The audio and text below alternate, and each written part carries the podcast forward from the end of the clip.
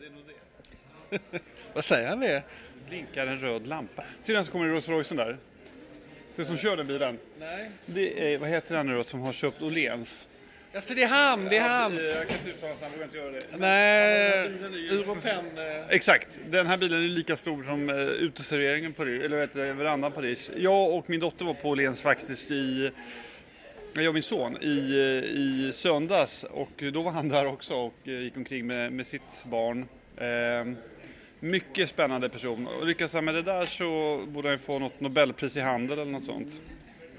Hörde du när Triva de var och hälsade på honom då eh, med Europen? Eh, de var, när han var VD på Europen så Triva det är de här fina killarna, vänner från Vannås och andra. Har du hört om det? Jag har inte hört, vad hände då? Nej, men då kom han dit och så var det så här, hej vi gör det här konceptet och bla bla bla. Och ha, vi kunna sälja det här på Europen? Och bla, då tittade han lite på det och sådär. Bara, bara. Och sen två månader senare körde han ut en exakt kopia av det. Han snodde deras idé. Han, han snodde deras idé. Så kan man ju säga deras idé var ju inte eh, genialisk så, men det var Det är liksom... ju inte hjärnkirurgi att göra billiga klockor i plast, men de har ju... Triva gjorde ju ändå ett manér. Du hade väl ett par Triva-klockor, hade du inte det? Absolut, alla gick sönder, så extremt usel kvalitet. Så att eh, då... Deras idé var väl att, eh, jag höll på att säga, det var väl som kläder på Hennes Mauritz, att man ska, det, det ska, du ska inte direkt skicka vidare dem till barnbarnen sen. Nej, men jag tycker att en klocka som kostar tusen spänn, den eh, ska hålla mer än ett halvår. Så mycket, det håller jag med om. Jag tror det kanske var 300 spänn. så, att, nej, men det Så håller jag med dig om. jag, eh, vad heter det, jag Men du fortsätter köpa på dig dem, gång Ja, efter gång efter gång. Faktum var att jag skickade oftast brev till dem eller mejlade dem och sa att jag vill ha en ny klocka. Då fick jag nya klockor hela tiden. Och någon gång hade de någon visning här uppe på eh, Robert Holsteins konferensanläggning och då tjatade jag mig till en klocka också. Den kostade 1200. Den gick också sönder. Men eh, jag och klockor, jag behöver den här klockan som Usama bin Laden hade, nämligen Casio. Eller nu har jag då min, min Rolle. Men den funkar ju inte å andra sidan. Din, va? Ja, men faktum är att sen den var i Schweiz och vände så öppnade de. Sen har den fungerat lite bättre sen efter det. Ja, men, eh, fungerat lite bättre, vad betyder fungerar Ja, den? fungerar- Visar den tiden den ja, gör den den, nej? den har fungerat hyggligt. Alltså den är ju inte, den går ju inte som, eh, som en klocka ska göra exakt. men går den, inte som en Rolex ska göra helt enkelt. Det går inte som en Rolex. Men det, jag tycker väldigt mycket om den. Jag ska faktiskt eh, nu gå och värdera den här på Kaplan efter vi har... Så att om jag skulle tappa bort den. Jag är mest rädd för att jag ska tappa bort den. Det tar jag av mig. Jag har ju inte på mig den alltid. Ja, men det ska ju vara försiktig med det. Men det, det kan jag tala om för att det, du ska inte gå till Kaplan för jag fick höra från en liten inside där att eh, eh, det är ingen som köper klockor nu så värdet är säkert jättelågt. Så vad man säger så ska du inte lyssna Jo på men den alltså summan. jag, alltså jag vill bara ha en värdering. Alltså Kaplan och jag är liksom, jag, där köper jag min bröllopsring och, och eh, där köper jag presenter till Anna och jag, alltså jag älskar Kaplan.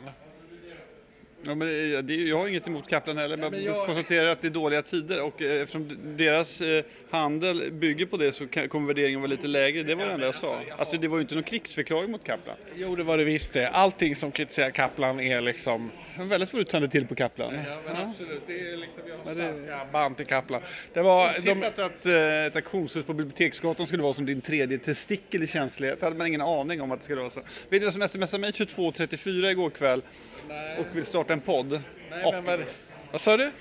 Tack snälla. Va? Du, du är konkurrent. Tack så jättemycket. Kommer maten här.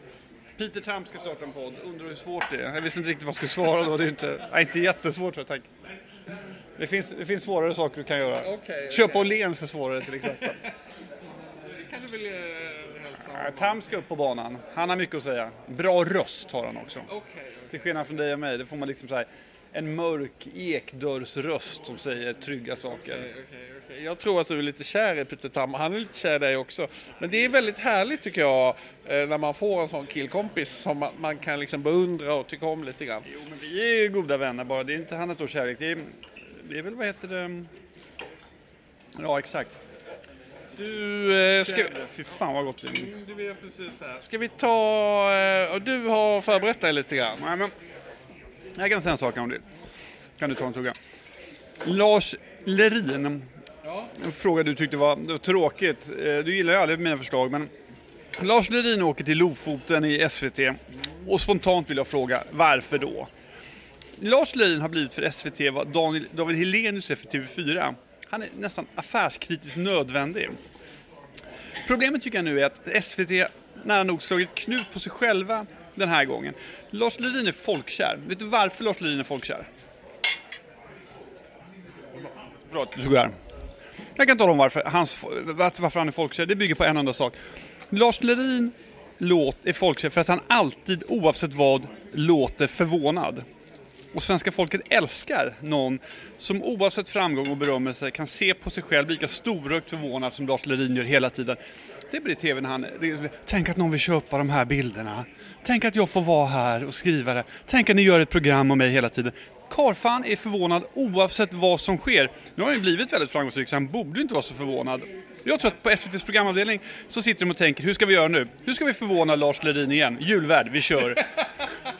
Program från hans hus på västkusten, vi kör. Skicka upp honom till Nordkalotten där han vantrivs som fan tillsammans med ett udda gäng, vi kör. Jag är fan på att Eva Bäckman sitter och triumferat undrar hur ska vi lyckas få honom att fortsätta låta förvånad? Det är väldigt bra spaning faktiskt. Eller hur? Ja, men, tycker... men han blir förvånad också på det här, du vet, varma, trygga, vär, äh, värmländska sättet. Han är så långt ifrån en så här kaxig, nykänd Mikael Persbrandt-typ man kan komma. Utan det är den här förvåningen, det är det som, som gör det. Har du sett det här när, eh, när Mikael Persbrandt och eh, Lars Lerin träffades? Då var ju Mikael Persbrandt håller ju på att måla tavlor också. Och Hans mamma Inge, Inga Lill också. Vadå, Mikael Persbrandts mamma målar också tavlor? Ja, nej men eh, man kan säga, det, det var ju liksom, vad skulle stackars Lars Lerin säga här med någon, massa slags jag vill inte... Vet du vad, vet vad han sa? Säga, det, var, det, var, det var inte så... Han var förvånad. Lars Lerin, han är, Sveriges mest, han är Sveriges mest förvånade namn. Och då undrar jag, du som är konstintresserad också Viggo, har vi haft någon sån folkhel, eh, någon sån folkhemskonstnär sen Peter Dahl? Ja, han är lite som Peter Dahl och han är lite som, eh, alltså nu, eh, som Carl Larsson också. Carl Larsson kändes ju också liksom lite... Han var lite förvånad. Ja, men lite ändå. Han var ju ändå lite spelevinkig om man jämför med... Kan jämföra Lars Lerin och Carl Larsson? Jo, det kan jag göra. Ja, han var ju med i... Um, Lars Lerin var, eller förlåt, Lars Lerin var ju med i när Carl Larsson dokumentär. Han fick inte så många soundbites för, uh, vad heter det, uh, vad heter det, Elsa Billgren tyckte jag i och för sig var väldigt bra, men hon, de pratade, han var liksom lite skeptisk till vissa romantiska, han tyckte det var lite kitschigt, eh, Carl Larsson. Och det, Carl Larsson? Lars Lerin tyckte att Carl Larsson var lite kitschig i den här dokumentären. Där... Jag ska ta det jävligt lugnt med att kritisera Carl Larsson faktiskt. Okay. Han är så förvånad. Ja, men jag, tycker, ja, men alltså, jag vill bara säga, jag tycker Lars Lerin är en fantastisk konstnär. Alltså, han har verkligen Eh, verkligen eh, fantastiska målningar och eh, vad heter jag önskar verkligen att jag blev kompis med honom. Jim, min kompis, eh, blev kompis med honom. Och han fick en, en målning sen, så den eh, är ju väldigt fin. Ja. ja, du är på väg att säga något här. Ja. Du har läst Jonas Malmborgs hyllade bok, eller hur? Exakt, jag har läst boken och eh, den handlar då om de här tre killarna som gick på Handels och som startade Klarna och hur de eh, förvandlade ja, ett litet källarbolag till ett av världens mest framgångsrika fintechbolag. Och jag tycker, jag sträckläste boken. Det var, eh, alltså jag satt på planet och det var liksom jag tänkte nu har jag fyra timmar på mig här att läsa boken och när vi närmade oss Arlanda på väg hem från Kanarieöarna så var jag färdig med boken. Och detta tycker jag är ett utmärkt betyg på en bok, att man vill sträckläsa den. Det finns egentligen bara två böcker. De som man vill sträckläsa och de som man inte orkar läsa ut. Det är liksom vilka andra betyg behöver man på en bok än den? Sen kan man ändå säga så här att ja, nej men eh, det hade ju varit roligare med mer skvaller eh, från eh, Sebastian och Ninas villa i Stocksund och, och, mindre så här, eh, vad ska jag säga, eh, gröt, myndig förklaring om hur ekonomi fungerar. Men jag tycker på det hela taget... Jonas Malmborg också en skicklig affärsjournalist. Jag jobbar med honom på Veckans Affärer. Det är ju inte Svensk Damtidning som har snickrat ihop en bok. Det är ju en av våra skickligaste. Va? Ja, nej men alltså han eh, förklarar på ett pedagogiskt sätt hur ekonomi eh, fungerar och eh, för mig så lämnar det också väldigt positivt för att man kan säga, då kan jag sen skena loss i min bok om hur det går till hemma hos Nina och Sebastian och de andra IT-miljardärerna. För det är precis det jag håller på med. Så att jag kände att jag fick eh, liksom lite vatten på min kvarn eller liksom jag fiskade och ja, men det var rätt så fina bilder där på han Segoya chefen när han kom gående. Han landade med sin privatjet på Bromma och kom gående in på Klarnas kontor och sen så hur han liksom har strött sin eh, sin eh, mantel, sin trollstav över Klarna och Ja, nej men det var, jätte, det var väldigt bra. Jag tycker... Vad var det som var så bra? Alltså... Nej, men man kan säga så här. Det, det är ju bara Sebastian Semavkovski, hans efternamn det är ju svårt att uttala. Han är ju en riktigt stor företagsledare och att liksom gå från att vara telefonförsäljare hos eh, Uppsala-maffian till att leda ett globalt bolag. Att klara den resan är ju något fruktansvärt svårt, imponerande. Alltså det är bara så spännande att eh, läsa om det. Och att hans favoritbok är Good to Great, nämligen eh, även min favoritbok när det gäller hur man ska driva företagande. Det är ju liksom... Jim Collins? Eh, precis, precis. Den är helt fantastisk. Och jag tycker, sen är det ju tråkigt att de här killarna inte... Men du jämför dig själv med Klarna helt enkelt? Nej, det är tråkigt att de... jämför mig själv. Jag känner att eh, liksom grundförutsättningarna eh, som han har och som jag har är de samma. Eh, skillnaden är då att eh, Sebastian har blivit mång, mång, mång, mång, mång miljardär och jag sitter här och hoppas att du ska betala lunchen. Det är, det är, det är ju det som skiljer oss åt. Jag skiter i vad folk säger om dig. Du är rolig. Du är faktiskt jävligt rolig. Ja, nej men vad heter det? Nej men så jag tycker ju att de skulle kunna... Det är ju tråkigt, han fick inte intervjua dem. Sen kan man ju säga så här att han den här eh, tredje killen, Viktor, det är ju det enda avslöjandet i boken om jag förstår det, att han blev tagen på Sturecompagniet med 0,25 gram kokain. Han, en, skid, en skidolycka var väl också avslöjande? Ja, nej men precis. Men det... Kanske inte var avslöjande.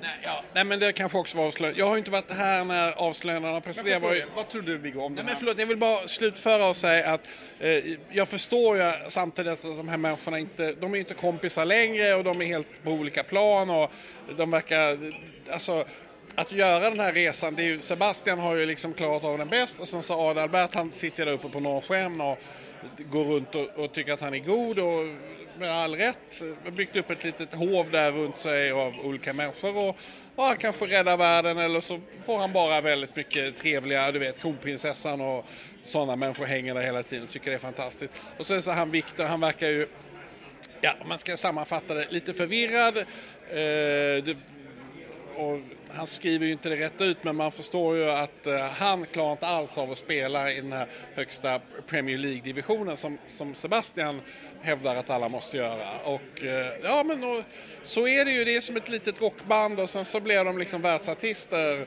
Eh, det är ju en jättesvår resa, men förtjänstfullt skildrat av Malmborg. Och, eh... kom i boken, i, mitt i den här lågkonjunkturen vi befinner oss i, man pratar om avbetalnings skuldsamhället, man köper grejer för pengar man inte har tjänat. Eh, upplever du att eh, kan, kan den här leda till någon större kritik mot eh, Klarna rent så att säga, ideologiskt? Eller? Nej, jag tror lite grann... Eh, alltså, Nej, jag tycker det, det som eh, Carolina Neurath påpekade och som jag också varit inne på eh, eh, back in the days faktiskt. Den kritiken har ju de tagit till sig och gjort bättre och så. Jag tror att Klarna liksom man kan säga att de har infört ett nytt system och i det gamla systemet, alltså de tjänar ju pengar då på att skicka ut påminnelsefakturor och sånt men man kan säga att ha missnöjda kunder är ingen bra affärsidé och det ligger ju inte i eh, Klarnas intresse att ha det utan eh, har man som de har, jag tror de har 200 000 anslutna e-företag och eh, ungefär vad var det, 150 miljoner kunder. Då behöver man inte ha missnöjda, alltså att lura kunderna som de gjorde då när han var med i Uppsala Mafia. Han var inte med i Uppsala Mafia, men Uppsala Maffian hade ett, ett ehm, e-handelsföretag, eller ett sånt här faktureringsföretag var där embryot till Klarna startade. De lurar ju kunderna. Det är ju, förstod ju Sebastian att det inte var någon bra strategi för att driva företag. Eh, nej, men jag, det är liksom att Sverige har förändrats eh, och sättet vi handlar på har förändrats. Ja, men allt annat har ju förändrats också jag skrev nu idag en liten snabb analys av Petter Stordalen, eh, det här Strawberry-köpet av Friends Arena. Och då skrev jag ju det att Sverige har gått från att vara liksom Ingvar Kamprad snåljåp till Petter Stordalen, eh, jag dansar med min eh, rävboa på Friends Arena. Det är liksom, vi har blivit ett event och tingeltangelland och liksom, den värld som ekonomerna strävar efter ja, nej men det är bara de som kan hitta på ett ord som kuflation. Du får äta lite nu. Eh, jag undrar om det kommer bli en backslash för, för eh, Stordalen. Jag menar, Swedbank var ju eh, eh, storsinta, eller av någon annan anledning kanske, eh, när de lät eh, organisationen Friends ta över deras sponsoravtal. Det skulle heta Swedbank Arena först. Det var på Björn Larsson och Thomas Backmans tid, kommer du ihåg? Eh, så gav de det till, jag kommer faktiskt inte ihåg varför, så gav de det till Friends. Nej, men det var ju för att... Eh, han, det var Baltikum va? Nej, inte Baltikum, utan när de byggde arenan så hade de ju tillsammans med Solna mutat eh, en politiker som sen dog. Nej, det hade säkert blivit rättsfall av det där om inte han hade dött, men det blev det inte. De var så rädda för att Swedavia, att Swedbank varumärket skulle in i den här soppan med arenan så de tog det här namnet istället.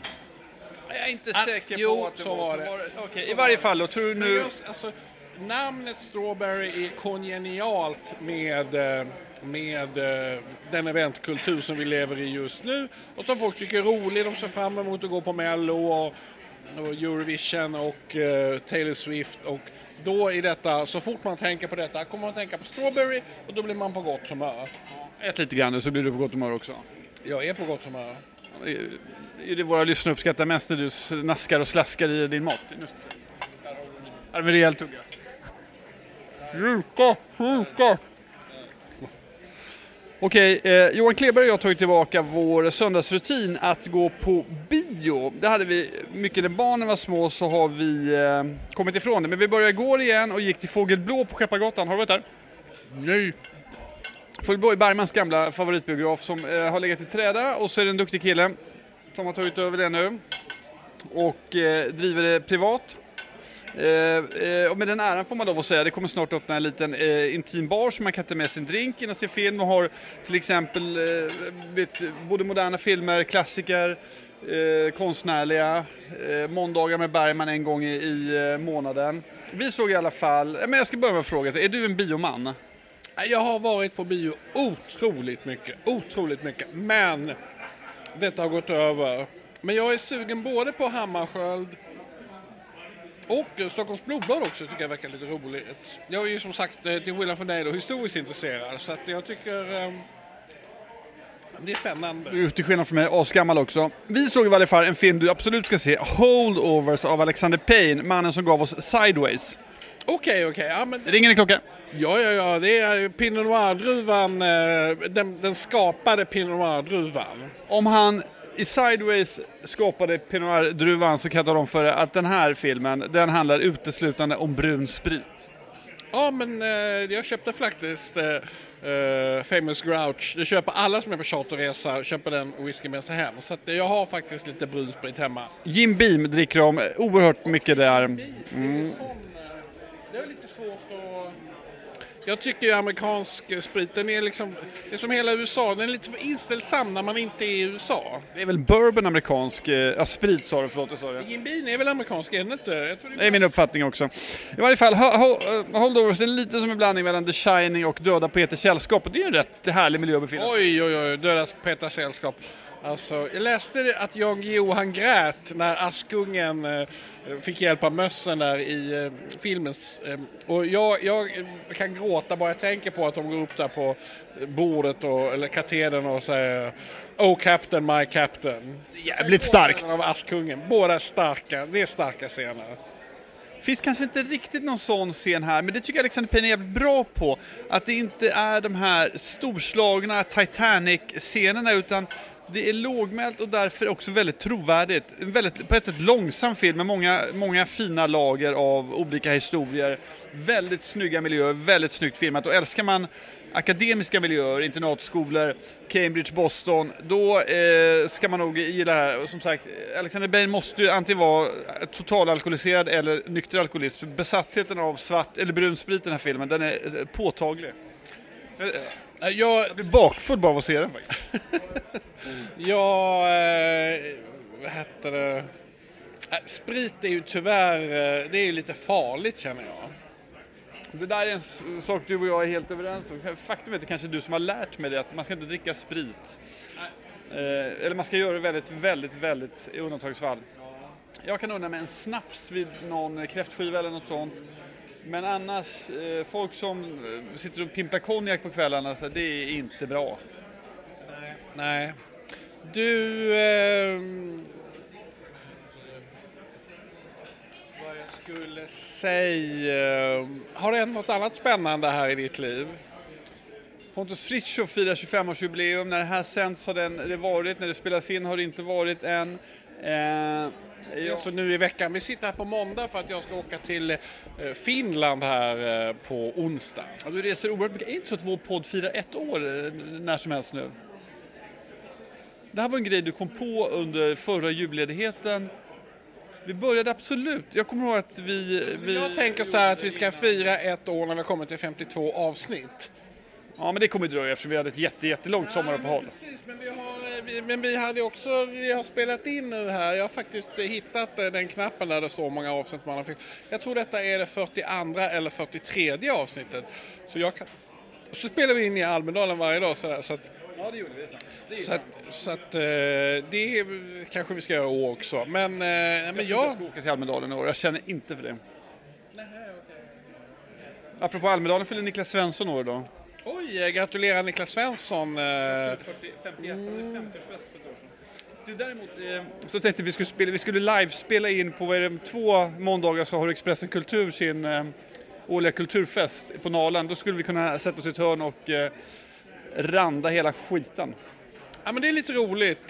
Då kanske jag kan bli akkrediterad dit. Jag blir ju inte bjuden på Expressen kulturfest längre eftersom jag inte är en kulturpersonlighet längre. Det är lite, det kan jag känna är lite Du smärtsamt kan vara faktiskt. min plus en. Du, jag vill säga en annan sak till dig. Eh, jag har ju fortfarande inte fått, du har ju inte skickat utkasten till din bok. Du måste ju skrivit nu, om jag räknat rätt, eh, 170 000 tecken.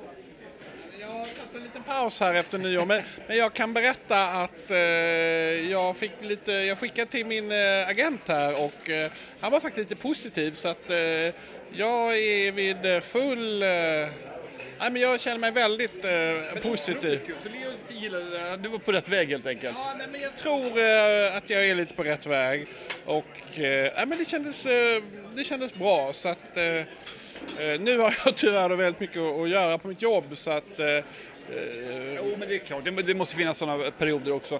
Jag kommer med min femte bok nu.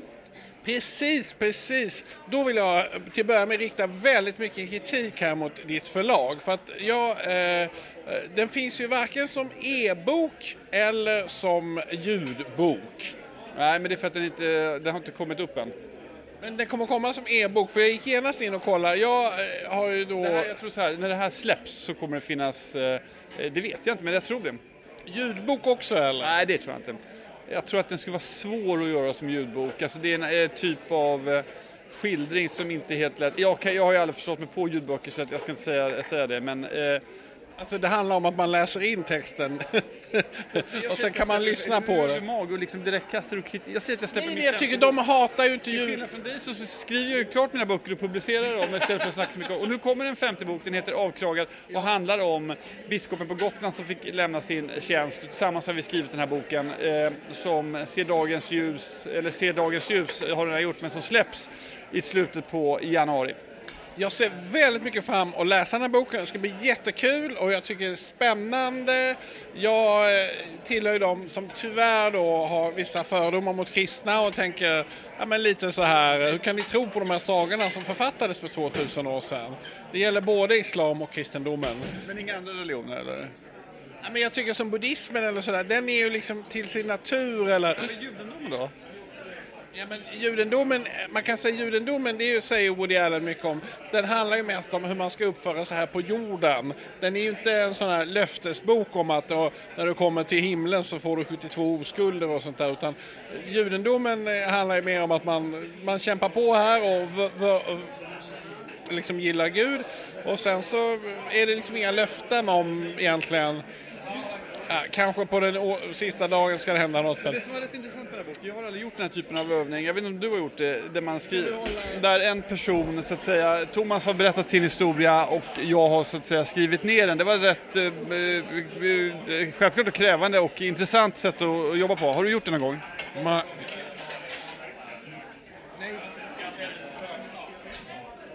men har du liksom pratat med någon av ärkebiskopen eller någon Nej, nej, det här är hans historia som, som eh, det handlar bara om hans historia och det handlar bara om processen när man blir avkragad och inget annat. Men vad tyckte du var det rätt att avklaga honom? Det är ju en, eh, man- eh, jag rekommenderar att man läser boken och bildar sig den uppfattningen. Det, var, det tycker jag var så väldigt bra. Det var så bra också i den där Alex Schulmans intervju med Jan Guillou. Och då, då berättade hon ju då när han satt och, eh, han var på NK och skrev böcker och alla som kom dit ville liksom prata med honom. Men Jan Guillou han vägrade prata, eh, prata med alla. Och då var det någon som frågade hur skriver man en bra historia? Och då svarade Jan Guillou frågan är felaktigt ställd. Och det tyckte jag, det var lite samma som ditt svar här. Frågan är felaktigt ställd. Men jag tycker, eh, Eh, om man är intresserad av samtal så är, tycker jag mina frågor är bra. Men, eh, mm, ja, men vad tror vi? Spännande, jag tycker det ska bli spännande. Vad är han, eh, vill han ha upprättelse? Hur, ja, man blir nyfiken. Ja men det förstår jag som sagt, det här är, som spännande att göra det här det är det är ingen som har avkragats i Sverige sedan eh, kyrkan skildes från staten och det sker då via en eh, oberoende ansvarsnämnd som, som tar det här beslutet. Det finns eh, eh, så att säga, processer och turer. Det har varit spännande att ta del av dem och lära sig hur det går till och eh, det är också spännande med Svenska kyrkan som är Sveriges största förening med oerhört mycket pengar och makt faktiskt. Det är, det är en oerhört eh, stor eh, apparat. Ja, nej, men det är det verkligen. Jag... Ehm, ja, nej, men det behövs ju sådana institutioner i ett land. Det kan jag, det kan jag liksom hålla med de som är kristna om, eller judar eller muslimer. och Sådär. Det är bra med en sån struktur som de erbjuder. Men eh, den är väldigt svår. Det är det här att man tar den här sagoboken som 2000 år gamla och, och så, så har den som ett rättesnöre. Det är liksom jätte... Det, är frågan tycker jag, gör Svenska kyrkan det? Så jag bor ju vid Hedvig Eleonora kyrka. Det är ju nästan som ett kulturhus tycker jag i... Det här är kul, vet du vad Joakim Berner har på Hedvig Eleonora kyrka? Joakim Berner, han verkar... Han ska börja ha mansgrupper på Hedvig Eleonora kyrka, i Hedvig Eleonora kyrka. Det borde du gå på. Alltså jag har ju haft mina mansjourer med, med Joakim Berner när jag var på Dagens Nyheter och de har präglat mig djupt. På Ja, jag vet, jag vet. Men mitt behov av att ha dem igen är ju... Eh, nej, de är inte... De är inte så stora. Jag var ju nästan besatt av honom, men eh, det har gått över.